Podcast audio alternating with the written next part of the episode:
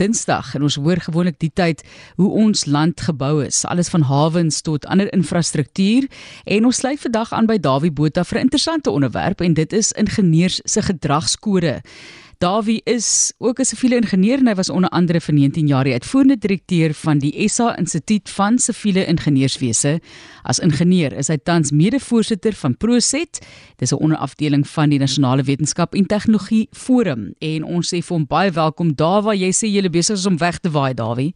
Staan jy nog? Trend so Mateliso as jy geluide hoor is maar die buite, hoor. Ja, dis erg. Ek sê vir jou mense het omtrent weggewaai baie gereën ook vanoggend, maar ja, sê vir ons hoe lyk jou deel van die land?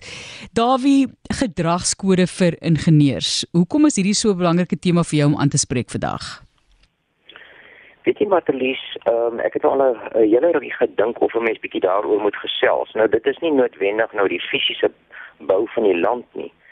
Maar as jy nou in ag neem dat daar die konstruksiebedryf blykbaar die tweede grootste is in terme van korrupsie, wapenhandel is blykbaar die eerste, dan is dit 'n baie belangrike onderwerp en ons hoor nou maar gereeld dwars oor die wêreld van hierdie korrupsie in die konstruksiebedryf en dis hoekom ek gedink het kom ons praat 'n bietjie daaroor en kom ons kyk bietjie hoe kan 'n mens mense help om dit te herken en hoe om dit te hanteer. Baie belangrike gesprek vandag Dawie. So kom ons gesels dan daaroor en jou eie gedragskode wat jy vir jouself vooropgestel het hierdie jare? Nee, dit is absoluut so. Ek dink dit kom eintlik maar uh, van 'n mens se opvoeding af uh, oorspronklik.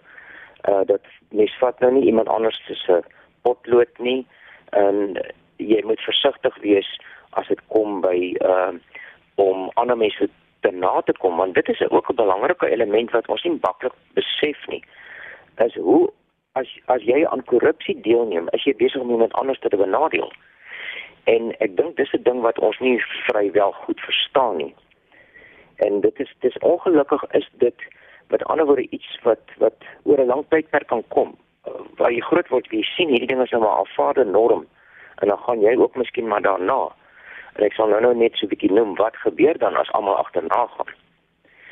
Nou die uh, soos ek sê, uh, korrupsie is oral. En dis nie net moord en doodslag in koerante nie, en die stelery en die oneerlikheid uh hoor ons maar gereeld van tenders wat gegee aanvaar word waar daar nie aan norme voldoen word nie en ons het in Suid-Afrika ook ons deel. So ek sê dis wêreldwyd 'n probleem. En uh, hier in ons eie land uh het ons koperdiewe wat byvoorbeeld alles vat wat hulle boogronds en ondergronds kan bykom. Maar selfs in Nederland wat mense byna nie kan glo nie. So 'n klompie jare gelede was daar 'n berig in 'n koerant koperdiewe het hoë hoede op. Met ander woorde, dis belangrike mense wat wat eh uh, koper gesteel het en dis toe altyd 'n baie bekende konstruksiemaatskappy wat so ek lekker ekstra gemaak het uit koperdiefstal.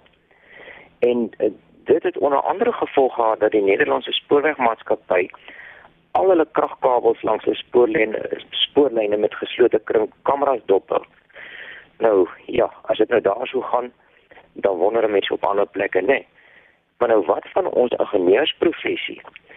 Ons het baie streng etiese kodes en norme. En as professie, ingenieursprofessie het ons oor baie jare baie voorgeloof, goed voorgeloop om gedrag en optrede nie net te reguleer nie, maar ook om mense te help verstaan wat die praktiese aspekte is, soos ek net nou gesê het. En by SAIC het ons die leiding geneem om ons lede en die publiek en die owerhede kom ek ek hoop nie ek word verkeerd verstaan nie op te voed maar eintlik te bemagtig oor wat wat dit beteken as jy jou nie hou aan die norme en die etiese kodes nie. En uh, soos ek sê, ons is miskien een van die professies wat heel wat te doen kry met mense wat jou wil beïnvloed. Ek onthou dat ons nogal gespot het oor wat is onkoopry nou werklik. Is dit nou 'n paar biere of is dit uit eet of 'n naweek in die jagveld? Of is dit eers as jy by 'n oorseese vakansie kom wat jou aangebied word wat jy sal sê maar dit klink nou nie goed nie. So waar trek jy die streep? Die, die dilemma is dat nou ook onder andere in my loopbaan uh, as munisipale ingenieur en bestuurder van megaprojekte in die private sektor maak jy gebruik van raadgewers en kontrakteurs en voorsieners in die bedryf. En hier by Kersfees rond dan kom die presentjies aan. Uh en daardie groot besluite wat 'n mens moet neem dan soms die rede vir mense wat jou wil beïnvloed. So by wyse van spreuke is ons as siviele ingenieurs dikwels op die voorfront van die geveg. Nou hoe word dit bygestaan uh, as as uh, professionele mense? Nou sy se missie bevat byvoorbeeld 'n klousule wat sy lede verbind tot etiese beginsels. En dan baie belangrik, die Ingenieursraad van Suid-Afrika registreer professionele ingenieurs, tegnoloë, tegnisi. Daar's 'n baie streng etiese kode waaraan ons moet voldoen. En dit kan bekyk word op die Excel dis die ingenieursraad se webwerf word duidelik uitgespel wat gedoen mag word en wat nie gedoen mag word nie. Nou so het ons by SAICI ook internasionaal meegewerk aan ooreenkomste in hierdie veld. Onder andere ooreenkomste gesluit met die Global Infrastructure Anti-Corruption Centre in Londen. En ons het nogal heelwat uh, interessante dinge uh, saam met die American Society of Civil Engineers meegemaak, lank baie gestap in hierdie verband.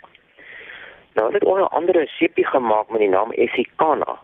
En dit is nou so soos Etikana om dit so te stel. En dis die storie van 'n eilandjie, eilandjie daar ergens waar korrupsie sy kop uitgesteek het en hoe die mense optree. So ons het nou daardie video gebruik uh en met 'n klompie ingenieursstudente het ons dit in verhoog stuk omskep. En ons het baie van daardie materiaal gebruik om hier in Suid-Afrika praatjies te gee vir ons lede. Uitreik aksies na die owerhede toe, beroepspraatjies met skoolkinders want mense moet onthou baie van hierdie dinge begin vroeg vroeg. En as 'n mens 'n jong mens nie op die regte pad kan kry nie, dan is dit later dalk te laat. Nou interessant genoeg, uh die beginsels is wêreldwyd dieselfde. Maar daar is mos nou bepaalde plekke waar geglo word dat onetiese optrede nie regtig belangrik is nie en dit is miskien nou soos om te aanvaar dat 'n verkeersbeampte geskenkies sal aanvaar as jy te vinnig uit die gevangenis. Ek het eendag in Mosambiek is ek gevang omdat dit glo onwettige draai gemaak het en ek sê dit was 'n stryd om onder daai ons uit te kom. Ehm um, maar ek het na daai tyd maar gesê mense, maar ek het nie geld nie en ek moet eers my baas vra ensovoorts en eintlik toe hulle nou uit my kar klim want hulle sommer in die kar ingeklim die die polisiebeamptes. Dis sê hulle vir my uh nou moet jy maar ry. En die een ou sê vir my not even a cool drink. Ek sê hom, "Jog, maak so verlig, kom weg." Ek sê maybe next time. Nou ja, dit is dit is net. Mm. Maar kom ons uh kyk bietjie na die praktiese praatjies wat ons ehm uh, baie baie um, aan mee gedoen het en ook uitgereik het daarmee. En dit gaan hoe sien jy iets is korrup of oneties? Hoe herken jy dit? en hoe jou optrede deur 'n paar eenvoudige riglyne gelei kan word. Dat nou, jy kan byvoorbeeld 'n paar vrae vra. As jy iets doen dit skade of hartseer veroorsaak vir jouself of iemand anderster. En as jy nou met plekke ruil met iemand aan wie jy iets verkeerd gedoen het, sou jou lekker wees. Wat sal ek uh, maak as ek uh, my vriende, as my vriende en my skoolmaats of ander mense weet ek is met verkeerde dinge besig. As ek môre in die spieël kyk, kan ek myself nie ook kyk. Nou en wat gaan gebeur as ek nou kies om iets te doen en dit word môre op die nuus vertel of in die koerant gesit of dit kom op TV of op Facebook? Dink ek jy gaan voel. En wat sou gebeur as almal soos jy maak? Daar's 'n absolute kettingreaksie. En dan Gaan vra maar vir daai ou oom of tante wat sou hulle doen as jy in 'n moeilike situasie is, soms soms hulle wyse raad. Nou die die ander ding is natuurlik praat met jou baas, met jou oupa, ehm um, praat met jou kinders, met jou eggenoot en dink 'n bietjie as jy verkeerd doen, wat gaan van hulle word?